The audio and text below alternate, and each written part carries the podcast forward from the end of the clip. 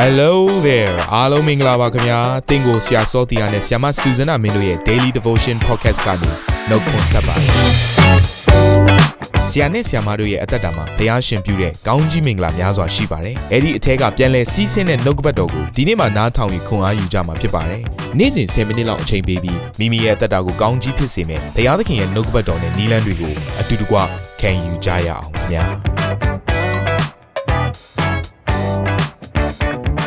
ရားသခင်ရဲ့ကျေးဇူးတော်ကိုအထူးပဲချီးမွမ်းပါတယ်ဒီနေ့မှာကျမတို့အတန်ပိုင်းဆိုင်ရာစုကျေးဇူးများထဲမှာမှာအမျိုးမျိုးသောဘာသာစကားကိုပြောနိုင်သောအခွင့်ဆိုတဲ့နှုတ်ကပတ်တော်ကိုလေ့လာကြမှာဖြစ်တယ်အဲ့တော့အင်္ဂလိပ်လိုဆိုရင်တော့ various kind of tongues လို့ပြောထားပါတယ်တနည်းအားဖြင့်အခြားသောဘာသာစကားပြောခြင်းထဲမှာမှာအမျိုးအစားအမျိုးမျိုးရှိတယ်လို့ရည်ညွှန်းနေခြင်းပါအဲ့တော့ နားလေအောင်ရှင်းပြမယ်ဆိုရင်တော့ဒီနေ့အခြားသောဘာသာစကားဆိုတဲ့အရာကလူပီကဘာသာစကားမဟုတ်တဲ့အတွက်ကြောင့်မလို့လူနားလည်နိုင်တဲ့လူတွေသင်ယူလို့ရနိုင်တဲ့ဘာသာစကားမဟုတ်တဲ့အတွက်ကြောင့်မလို့အခြားသောဘာသာစကားလို့အဲကင်မွန်တက်ခြင်းဖြစ်ပါတယ်ပြောရခြင်းဖြစ်တယ်အဲ့တော့ဒီအခြားသောဘာသာစကားအမျိုးမျိုးထဲမှာမှာเนาะကျွန်မနှစ်ပိုင်းလေးခွဲပြီးတော့ပြောချင်ပါတယ်တစ်ဖက်ကတော့အခြားသောဘာသာစကားအပြင်ဘုရားသခင်ကိုတိုက်ရိုက်စကားပြောခြင်းဆိုတာရှိသလိုတစ်ဖက်မှာ လူကိုเนาะအဲပြောခြင်းဆိုတဲ့အရာဟောခြင်းဆိုတဲ့အရာရှိနေတယ်ဆိုတဲ့အရာကိုလည်းနှုတ်ကပတ်တော်အပြင်တွေ့ရပါတယ်အဲ့တော့ဘုရားသခင်ကဘာဖြစ်လို့အခြားသောဘာသာစကားလို့ခေါ်တဲ့เนาะဒီလူပီနဲ့မဆိုင်တဲ့ထိုဘာသာစကားကိုဘာဖြစ်လို့ပေးတယ်လဲဆိုတဲ့အရာကိုအဲအရင်ဆုံးသိနိုင်ဖို့အတွက်အရေးကြီးပါတယ်အဲ့တော့ခန္ဓာကိုယ်မှာလူတွေထိမ့်ချုပ်လို့မရနိုင်တဲ့အရာကဘာလဲဆိုရှာဖြစ်တယ်လူတယောက်ကိုအမြဲတမ်းเนาะဒုက္ခရောက်စီတဲ့ပြဿနာတက်စီတဲ့အရာကလည်း ရှာပဲဖြစ်ပါတယ်။ယာကုပ်ခန်းကြီး3ခန်းငယ်8ထဲမှာရှာကိုကအဘဲသူမျှမအောင်နိုင် မဆုံးမနိုင်သောအစိုးညစ်ဖြစ်၏သေစေတတ်သောအစိတ်အတောက်နှင့်ပြည့်စုံ၏လို့ရေးထားပါတယ်။ဒါကြောင့်မလို့လေဒီရှာကိုထိမ့်ချုပ်နိုင်ဖို့ရန်အတွက်ဒါဝိမင်းကြီးကဒီနေ့ဘုရားသခင်ကိုစာလန်141အခန်းငယ်3ထဲမှာဒီလိုပြောခဲ့တယ်။အိုထာဝရဘုရားအကျွန်ုပ်၏နှုတ်ရှေ့မှာကင်းကိုထားတော်မူပါ။အကျွန်ုပ်၏နှုတ်ခမ်းတကားကိုစောင့်တော်မူပါလို့ပြောခဲ့ပါတယ်။ ရှင်ပြန်ဒါဝိဒ်ကြီးကသူ့ရဲ့အသက်တာထဲမှာဒီနေ့ဖះမနစ်သက်တဲ့စကားတွေမထွက်စေဖို့ရန်အတွက်ဖះရဲ့အလိုနဲ့ညီတဲ့စကားတွေတော့ဖះကိုချီးမွမ်းတဲ့စကားတွေထွက်စေဖို့ရန်အတွက်ထိုကဲ့သို့သူ့ရဲ့နှုတ်ရှာပါဇက်ကိုဖះသခင်ထိမ့်ချုပ်ပေးဖို့ရန်အတွက်သူဆုတောင်းခဲ့တယ်။ပရောဖက်ကြီးဟေရှာယကလည်းဟေရှာယအခန်းကြီး6အခန်းငယ်9ကနေ9မှာဒီလိုပြောခဲ့ပါတယ်။ငါကလည်းငါ၌အမင်္ဂလာရှိ၏ ငါအချိုးနဲ့ရှိပြီးအကြောင်းမူကားငါသည်ညဉ့်ညူသောနှုတ်ခမ်းရှိလျက်ညဉ့်ညူသောနှုတ်ခမ်းရှိသောလူမျိုးတွင်နေလျက်နှင့်ကောင်းကင်ဘိုးချစ်အရှင်သာရဘုရားတည်းဟုသော ရှင်ဘုရင်ကိုကိုမျက်စိနှင့်မြင်လေပြီးတကားဟုဆို၏ထိုအခါကောင်းကင်တမန်တရက်တပါးသည်ရစ်ပလင်ပေါ်ကမင်းညက်ဖြင့်ယူသောမိခဲတခဲကိုလက်နှင့်ကင်လျက်ငါရှိရာသို့ပြန်လာ၍ငါနှုတ်ကိုတို့ပြီးလျင်ဤမိခဲသည်တင်ဤနှုတ်ခမ်းကိုတွေ့ပြီးတင်ဤဒူးဆက်ကိုတုတ်တင်ပြီးတင်ဤအပြစ်လည်းပြေရှင်းပြီးဟုဆို၏ ဒီနေ့ prophet ကြီးဟေရှာယကလည်းသူ့ရဲ့နှုတ်ရှာပါစဟာညဉ့်ညူးပါတယ်သူဟာအမင်္ဂလာနဲ့ပြည့်စုံသောသူတစ်ယောက်ဖြစ်ပါတယ်ဆိုတဲ့အရာကိုရိုးသားစွာနှိတ်ချစွာနဲ့ဘုရားရဲ့အရှိန်မှာဝန်ခံပြီးတော့သူ့ရဲ့နှုတ်ရှာပါစကိုတန်ရှင်းစေဖို့အတွက်ဘုရားသခင်ထိမ့်ချုပ်ပေးဖို့အတွက်သူကအနံ့ခဲ့တာဖြစ်တယ် ဒါကြောင့်မလို့ဒီနေ့ကျွန်မနားလည်စီခြင်းတယ်ဒီနေ့ကျွန်မတို့ရဲ့ခန္ဓာကိုယ်ထဲမှာရှိတဲ့ရှာကိုထိမ့်ချုပ်ဖို့ရန်အတွက်ဒီနေ့ဘုရားသခင်ကိုအခွင့်ပေးလိုက်ပါရှာကိုထိမ့်ချုပ်နိုင်ပြီဆိုရင်တကိုယ်လုံးကိုထိမ့်ချုပ်နိုင်ပြီဖြစ်တယ်ယောမအခန်းကြီး6အခန်းငယ်73ထဲမှာဒီလိုပြောထားပါတယ်တင်တို့ဤကိုအင်္ဂါများကိုဒူးစရိုက်လက်နက်ဖြစ်စေ၍အပြစ်တရားအားမဆက်ကြနဲ့တေခြင်းမှထမြောက်၍အသက်ရှင်သောသူကဲ့သို့ဘုရားသခင်အားကိုကိုကိုဆက်ကြလောဒါကြောင့်မလို့ဒီနေ့ ကျမတို့ရဲ့အင်္ဂါဖြစ်တဲ့ဒီရှာကိုဘုရားကိုထိမ့်ချုပ်ခွင့်ပေးဖို့အတွက်ဒီနေ့တည့်ရဲ့နှုတ်ရှာပါဇက်ကိုဘုရားခင်ထံမှာစက္ကဲအနံလိုက်ပါဒါဆိုရင်တည့်ရဲ့အသက်တာထဲမှာဒီနေ့ဘုရားခင်ကထိမ့်ချုပ်သွားပြီဆိုရင်ဒီလောကနဲ့မဆိုင်တဲ့အခြားသောဘာသာစကားကောင်းကင်ဘာသာစကားကိုဒီနေ့ဘုရားခင်ကသင်ကိုပေးလာမှာဖြစ်တယ် ကျမ်းစာထဲမှာကြည့်လိုက်တဲ့အခါမှာတမန်တော်ဝတ္ထုအခန်းကြီး2ကိုကြည့်ရင်တန်ရှင်းသောဝိညာဉ်တော်ဟာဒီတပြည့်တော်တွေပေါ်မှာဆင်းသက်လာတဲ့အခါမှာအယုံဆုံးတပြည့်တော်ရဲ့အသက်တာထဲမှာရှိရပထမဦးဆုံးသောထိမ့်ချုပ်ခြင်းခံလိုက်ရတဲ့အရာကတော့သူတို့ရဲ့ရှာပဲဖြစ်ပါတယ်။ဒါကြောင့်မလို့အဲ့ဒီနေ့မှာသူတို့တွေဟာအမျိုးမျိုးသောဘာသာစကားကိုသူတို့ရဲ့နှုတ်ရှာပါဇက်ထဲကနေထွက်ပေါ်လာတယ်ဆိုတဲ့အကြောင်းအရာကိုတွေ့ရပါတယ်။ အဲ့တော့ဒီမှာကြည့်လိုက်တဲ့အခါမှာအခြားသောဘာသာစကားနဲ့ပတ်သက်ပြီးတော့သူကအမျိုးမျိုးလို့ပြောထားတဲ့အတွက်ကြောင့်မလို့အဲ့အမျိုးအစားကိုကျွန်မနားလည်နိုင်အောင်နှစ်မျိုးခွဲထားလိုက်ပါတယ်။ပထမတစ်ခုကတော့ဘုရားသခင်ကိုပြောခြင်းဒုတိယတစ်ခုကတော့လူကိုဟောပြောခြင်းဖြစ်ပါတယ်။ အဲ့တော့ဒီပထမတစ်ခုနဲ့ပတ်သက်ပြီးတော့နားလည်နိုင်ဖို့ရန်အတွက်ကောရိန္သုဩဝါဒစာပထမစာဆောင်အခန်းကြီး14အခန်းငယ်2ထဲမှာဒီလိုပြောထားပါတယ်အကြောင်းမူကားအခြားသောဘာသာစကားအပြင်ပြောသောသူသည်လူတို့အားမပြောဖျားသခင်အားပြော၏သူ၏စကားကိုအဘယ်သူမျှနားမလဲနဲ့နဲသောအရာတို့ကိုဝိညာဉ်တော်အားဖြင့်ပြော၏လို့ရေးထားပါတယ်ဒါကြောင့်မလို့တကယ်ကိုနဲ့နဲတဲ့အရာကိုဒီနေ့ဖျားသခင်ကိုတိုက်ရိုက် ပြောပြီးတော့ချိတ်ဆက်နိုင်ဖို့ရန်အတွက်အခြားသောဘာသာစကားဟာအရေးကြီးပါတယ်။ထိုကဲ့သို့သင်ရဲ့နှုတ်ရှာပါဇက်ကိုဘုရားခင်ကိုထိန်းချုပ်ခွင့်ပေးလိုက်ပြီဆိုရင်ထိုနဲ့နေတဲ့စကားတွေကိုနော်တန်ရှင်းသောဝိညာဉ်တော်အားဖြင့်သင်ဟာဘုရားခင်တိုက်ရိုက်ပြောဆိုလို့ရလာမှာဖြစ်ပါတယ်။အာမင်။ကဲအဲ့တော့ဒီထဲမှာဒီလိုဆက်ပြောပြန်တယ်။တကောခန်းကြီးဆက်လေးခန်းငယ်လေးရဲ့ကကြီးပိုင်းမှာအခြားသောဘာသာစကားအပြင်ပြောသောသူသည်ကိုကိုသာတိဆောက်၏လို့ထပ်မံပြောထားပါတယ်။အဲ့တော့ဆိုလိုနေတဲ့အရာက ကိုယ့်ရဲ့အသက်တာဟာသူတစ်ပါးကိုမတီဆောက်ခင်သူတစ်ပါးကို prophet ပြုတ်ပြီးတော့တွားရောက်ပြီးတော့เนาะအားမပေးခင်လမ်းမှန်မပို့ခင်တရားတွေမဟောခင်ကိုယ့်ရဲ့အသက်တာထဲမှာကိုကိုကိုတီဆောက်ဖွင့်အတွက်အရေးကြီးတယ်အဲ့တော့အခြားသောဘာသာစကားကိုယုံကြည်သူတိုင်းရရှိဖွင့်တဲ့ဘုရားသခင်ကအလိုတော်ရှိတယ်ဝိညာဉ်တော်ဘုရားကလည်းပေးခြင်းတယ် သင်ကသာထိုဖျားပေးတဲ့အရာကိုတန်တရားမရှိဘဲနဲ့ကိုရောဘုရားအကျွန်ုပ်ရဲ့နှုတ်ရှာပါဇက်ကိုထိမ့်ချုပ်ပါလို့ပြောလိုက်ပြီဆိုတာနဲ့ထိုအဲဖျားခင်ရဲ့ဘာသာစကားဖြစ်တဲ့ဒီနဲ့နဲတဲ့အရာကိုသင်ဟာရရှိလာမှာဖြစ်ပါတယ်အဲ့တော့ကိုကိုကိုဝိညာဉ်ပိုင်းဆိုင်ရာမှာတိဆောက်ပြီးတဲ့နောက်ပိုင်းမှာတော့သူတစ်ပါးကိုပြန်လည်ပြီးတော့တိဆောက်ပေးနိုင်တဲ့အတ္တတာကြီးဖြစ်လာပါလိမ့်မယ်တစ်ကောခန်းကြီး14အခန်းငယ်14ကနေ15မှာဒီလိုဖော်ပြထားပါတယ် အဘေကြောင့်ဤဟုမူကားအခြားသောဘာသာစကားအပြင်ငါဆုတောင်းလဲငါစိတ်နှလုံးဆုတောင်းတော်လဲငါညံဒီအကျိုးမပေး တို့ဖြစ်လင်အဘယ်တို့ပြုရမည်နည်းစိတ်နှလုံးနှင့်၎င်းဉာဏ်နှင့်၎င်းဆုတောင်းရမည်စိတ်နှလုံးနှင့်၎င်းဉာဏ်နှင့်၎င်းတခြင်းဆိုရမည်အဲ့တော့ဒီထဲမှာဘာပြောထားလဲဆိုရင်အခြားသောဘာသာစကားအပြင်ဆုတောင်းခြင်းဆိုတဲ့အရာနဲ့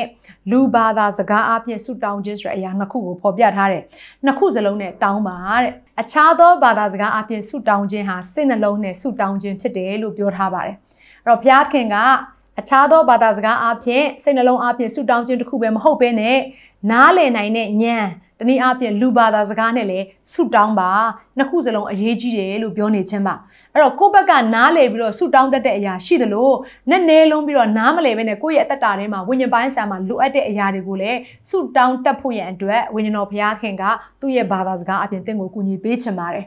ကဲနောက်ထပ်တစ်ခုကတော့အခြားသောဘာသာစကားအပြင်တချင်းဆိုခြင်းဆိုတာလည်း ရှိနေပါသေးတယ်တဲ့ဒါကြောင့်မလို့လူဘာသာစကားလူညံအားဖြင့်ပဲတချင်းဆိုတဲ့အရာတစ်ခုတည်းတိဆောက်တာမဟုတ်ဘဲနဲ့အခြားသောဘာသာစကားအားဖြင့်လည်းเนาะကျမတို့တီဆိုနေတဲ့အခါမှာထည့်သွင်းပြီးတော့တီဆိုလို့ရတယ်ဆိုတဲ့အရာကိုရှင်ပေါလုကရှင်းပြနေခြင်းဖြစ်တယ်ဟာလေလုယာကဲအဲ့တော့ဆက်ပြီးတော့ကြည့်မယ်ဆိုရင်ကျမတို့ရဲ့အသက်တာထဲမှာเนาะဒီဖះကိုပြောတဲ့เนาะအခြားသောဘာသာစကားတစ်မျိုးရှိသလိုတစ်ဖက်မှာလည်းလူကိုပြောတဲ့ နော်အခြားသောဘာသာစကားတနည်းအားဖြင့်လူတွေကိုဝေငှနေတဲ့အရာဆိုတာလည်းရှိပြန်တယ်တဲ့ဒါနဲ့ပတ်သက်ပြီးတော့တက်ကောအခန်းကြီး14ထဲမှာဒီလိုဖော်ပြထားတဲ့အခန်းငယ်26 29ကိုဖတ်လို့တယ်ညီကိုရောအဘယ်သို့နီး သင်တို့စည်းဝေးကြသောအခါစာလံတခြင်းကိုရသောသူဆုံးမဩဝါဒစကားကိုရသောသူ အခြားသောဘာသာစကားကိုရသောသူဗျာဒိတ်တော်ကိုရသောသူ အနက်ဖော်ပြရာကိုရသောသူအသီးသီးရှိကြသည်ဖြစ်၍ခတ်သိမ်းသောအမှုတို့ကိုတိဆောက်ခြင်းအလိုငါစီရင်ကြလော့အခြားသောဘာသာစကားအပြင်ဟောပြောသောသူရှိလျင်နှစ်ယောက်ဖြစ်စေအများဆုံးဆိုသောသုံးယောက်ဖြစ်စေတယောက်နောက်တယောက်ပြော၍တယောက်သောသူသည်အနက်ကိုဖော်ပြစေလို့ပြောထားတယ် အဲ့ဒါကဘာလဲဆိုလို့ရှိရင်ကျမတို့တမန်တော်နှစ်ထဲမှာပြန်ကြည့်လိုက်တဲ့အခါမှာဖျားဘက်ကနေပြီးတော့เนาะအာနားလေစေတဲ့စကားမျိုးပေါ့ဆိုပါစို့ကျမကအခြားသောဘာသာစကားနဲ့ပြောလိုက်တယ်သို့တော့တစ်ဖက်မှာရှိတဲ့เนาะအာ American တို့เนาะဒါမှမဟုတ် Japan တို့ဒါမှမဟုတ် Korea တို့ကသူတို့ရဲ့ဘာသာစကားနဲ့နားလေသွားစေတဲ့အရာပေါ့အဲ့တော့အဲ့ဒီကြားရတဲ့သူတွေကလည်းအနက်အတိတ်ပဲ ပြန်တဲ့စုဂျေစုကိုရလို့မဟုတ်ဘူးအနက်ပြန်နိုင်တဲ့စုဂျေစုကိုမရဘဲနဲ့ဖရာသခင်ရဲ့တကိုးတော်အားဖြင့်ဝိညာဉ်တော်ရဲ့လှုပ်ဆောင်ချက်အားဖြင့်နားလည်သွားစေတာဖြစ်တယ်နောက်ထပ်တစ်မျိုးကတော့အနက်အတိတ်ပဲကိုပြန်ဆိုမှပဲနားလည်နိုင်တယ်အခြားသောဘာသာစကားလည်းရှိပြန်တယ်เนาะတကယ်ကိုနည်းနည်းပါတယ်အဲ့တော့ ဒီຢာနဲ့ပတ်သက်ပြီးတော့เนาะစဉ်းစားတဲ့အခါမှာဟာဘုရားသခင်ကအဲ့အခြားသောဘာသာစကားပြောတဲ့သူကိုပဲအနက်အတိတ်ပဲပြန်စေနိုင်တဲ့အခွင့်ကိုဘာဖြစ်လို့မပေးသလဲဆိုတဲ့အရာကလည်းဒါကျမတို့စဉ်းစားမိတဲ့အရာတစ်ခုဖြစ်ပါလိမ့်မယ်အဲ့တော့ဒါလေးကိုနားလည်စေချင်တယ် ယေရှုခရစ်တော်ရဲ့ကိုယ်အင်္ဂါထဲမှာကျမတို့အားလုံးကရှိနေတဲ့အခါမှာချိတ်ဆက်ပြီးတော့အလုံးလုံးနိုင်ဖို့ရန်အတွက်ငါတယောက်ကပဲကောင်းနေရဆိုတဲ့အရာမဟုတ်ဘဲနဲ့အားနေသောသူတွေကိုယ့်တက်အားကြီးသောသူတွေနဲ့ပြန်လဲပြီးတော့ချိတ်ဆက်အလုံးလုံးနိုင်ဖို့နဲ့ဘုရားခင်ကစုကျေးဇူးတွေကိုအသီးသီးခွဲဝေပေးတာဖြစ်ပါတယ်ဒါကြောင့်မလို့အဲ့ဒီခုနကျွန်မပြောခဲ့တဲ့နော်လူတွေကိုဟောပြောခြင်းလို့ခေါ်တဲ့ခုနကျမ်းစာထဲမှာရေးထားပါတယ်အခြားသောဘာသာစကားအပြင်ဟောပြောတဲ့အရာရောက်လာပြီဆိုရင်တော့တဲ့ အနက်အတိတ်ပဲပြန်ဆိုတဲ့သူရှိဖို့အတွက်အရေးကြီးတယ်လို့ပြောခဲ့ပါတယ်အဲ့တော့ဒါလေးကိုနားလည်စေချင်တယ်အကယ်၍အသင်းတော်ထဲမှာအနက်အတိတ်ပဲပြန်တဲ့သူမရှိဘူးဆိုရင်တော့တဲ့ထိုသူဟာလူတွေရဲ့အရှိမအခြားသောဘာသာစကားအပြင်ဟောပြောခြင်းကိုမပြုပါနဲ့တဲ့နော်ဟောပြောတာနဲ့အခြားသောဘာသာစကားကိုပြောတာနဲ့မတူဘူးနော် ပြောတယ်ဆိုတဲ့အရာကကိုယ့်ကိုဘုရားသခင်နဲ့တိုက်ရိုက်ပြောတဲ့အရာဖြစ်ပြီးတော့ဟောပြောတယ်ဆိုတဲ့အရာကအသင်းတော်တစ်ခုလုံးရဲ့အရှိမမတ်တရက်ပြီးတော့ဟောပြောခြင်းဖြစ်တယ်။ဒါကြောင့်မလို့အခြားသောဘာသာစကားနဲ့အသင်းတော်ထဲမှာပေါ့နော်တရားဟောတဲ့ပုံစံနဲ့လုပ်မယ်ဆိုရင်တော့တဲ့အနက်အတိတ်ပဲပြန်နိုင်တဲ့သူရှိမှာပဲထွက်ခဲ့ပါတဲ့။အဲ့လိုအနက်အတိတ်ပဲပြန်တဲ့သူရှိရင်တောင်မှတဲ့နော်အများဆုံးဆိုတော့၃ယောက်ထက်တော့မပိုသင့်ဘူးတဲ့ဆိုလိုတဲ့အရာက ကျန်တဲ့စာလန်တချင်းဆိုတဲ့သူတွေဆုံးမဩဝါဒပေးမဲ့သူတွေဗျာဒိတ်တွန်းနဲ့ဆိုင်တဲ့ဖွင့်ပြတဲ့သူတွေရှိသေးတဲ့အတွက်ကြောင့်မလို့အားလုံးကိုအချိန်ပေးနိုင်ဖို့ရန်အတွက်တယောက်ကိုနည်းနည်းအချိန်ယူပါလို့ပြောလိုက်ခြင်းလည်းဖြစ်ပါတယ်အဲ့တော့နားလည်မယ်လို့ကျွန်မယုံကြည်ပါတယ်အဲ့တော့အဆုံးသက်ကိုပြောရမယ်ဆိုရင်ကျမတို့အသင်းတော်ဟာနောက်ဆုံးသောကာလမှာထိုနဲ့နေတဲ့အရာတွေကိုဆုတောင်းနိုင်ဖို့ရန်အတွက် အခြားသောဘာသာစကားလိုနေပါတယ်။ကျမတို့ရဲ့နှုတ်ရှာပါဇက်ကိုဒီနေ့ဖျားခင်ထိမ့်ချုပ်ဖို့ရန်အတွက်တန်ရှင်းသောဝိညာဉ်တော်ရဲ့လက်ထဲကိုကျမတို့ရဲ့နှုတ်ရှာပါဇက်ကိုစက္ကက်အနံဖို့ရန်အတွက်ပဲဖြစ်ပါတယ်။ဒါကြောင့်မလို့ယုံကြည်ခြင်းနဲ့အတူတူကဆုတောင်းကြပါစို့။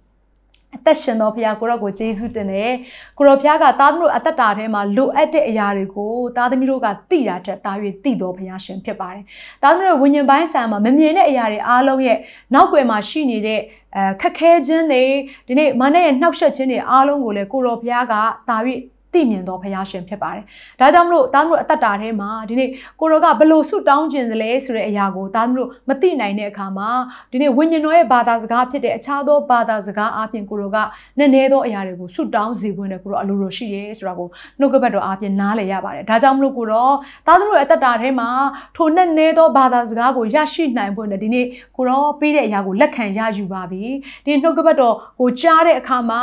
ကြားယုံမြတာနာယုံမြတာပြုတော်သူတွေမဟုတ်ဘဲနဲ့ထိုနှုတ်ကပတ်တော်ကိုအသက်တာထဲမှာလက်ခံရယူပါပြီဘုရားသခင်ဒါကြောင့်မလို့ကိုရောပေးသောဆုကျေးဇူးကိုယနေ့လက်ခံရယူတဲ့သူတယောက်ချင်းဆိုင်ရဲ့အသက်တာထဲမှာထူးခြားသောတက်တေကိုမြင်တွေ့ခံစားရစီပါမိအကြောင်းအရောက်ချင်းဆိုင်အသက်တာကိုကောင်းကြီးပေးလက်စက္ကန့်အနံတဲ့အခါမှာသခင်ခရစ်တော်ဘုရားသခင်မြတ်သောနာမတော်ကိုအမိပြု၍ကောင်းကြီးပေးလျက်ဆုတောင်းစက္ကန့်အနံကြပါရဖာမြတ်စွာဘုရားသခင်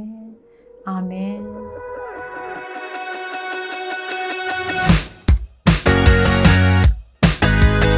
နာတော်တာစင်သူတိုင်းရဲ့အသက်တာမှာကောင်းကြီးဖြစ်မယ်ဆိုတာကိုကျွန်တော်ယုံကြည်ပါတယ်။သင်ရဲ့အသက်တာအတွက်များစွာသော resource တွေနဲ့ update တွေကို Facebook နဲ့ YouTube platform တွေမှာလည်းကျွန်တော်တို့ပြင်ဆင်ထားပါတယ်။ Facebook နဲ့ YouTube တွေမှာဆိုရင် search box ထဲမှာစူဇနာမင်းလို့ရိုက်ထည့်လိုက်တဲ့အခါအပြအယောင်အမှန်ချစ်ထားတဲ့ Facebook page နဲ့ YouTube channel ကိုတွေ့ရှိမှာဖြစ်ပါတယ်။နှုတ်ကပတ်တော်တွေကိုဗီဒီယိုအားဖြင့်လည်းခွန်အားယူနိုင်ဖို့ရန်အတွက်အစင်သစ်ပြင်ဆင်ထားပါတယ်။ကျွန်တော်တို့ဝิญဉ်ရေးရာအတွက်အထူးလိုအပ်တဲ့ဖွင့်ပြခြင်းတွေနဲ့ခွန်အားတွေကိုရယူလိုက်ပါ။ နောက်ရက်များမှာပြန်ဆုံတွေ့ကြရအောင်ခင်ဗျာ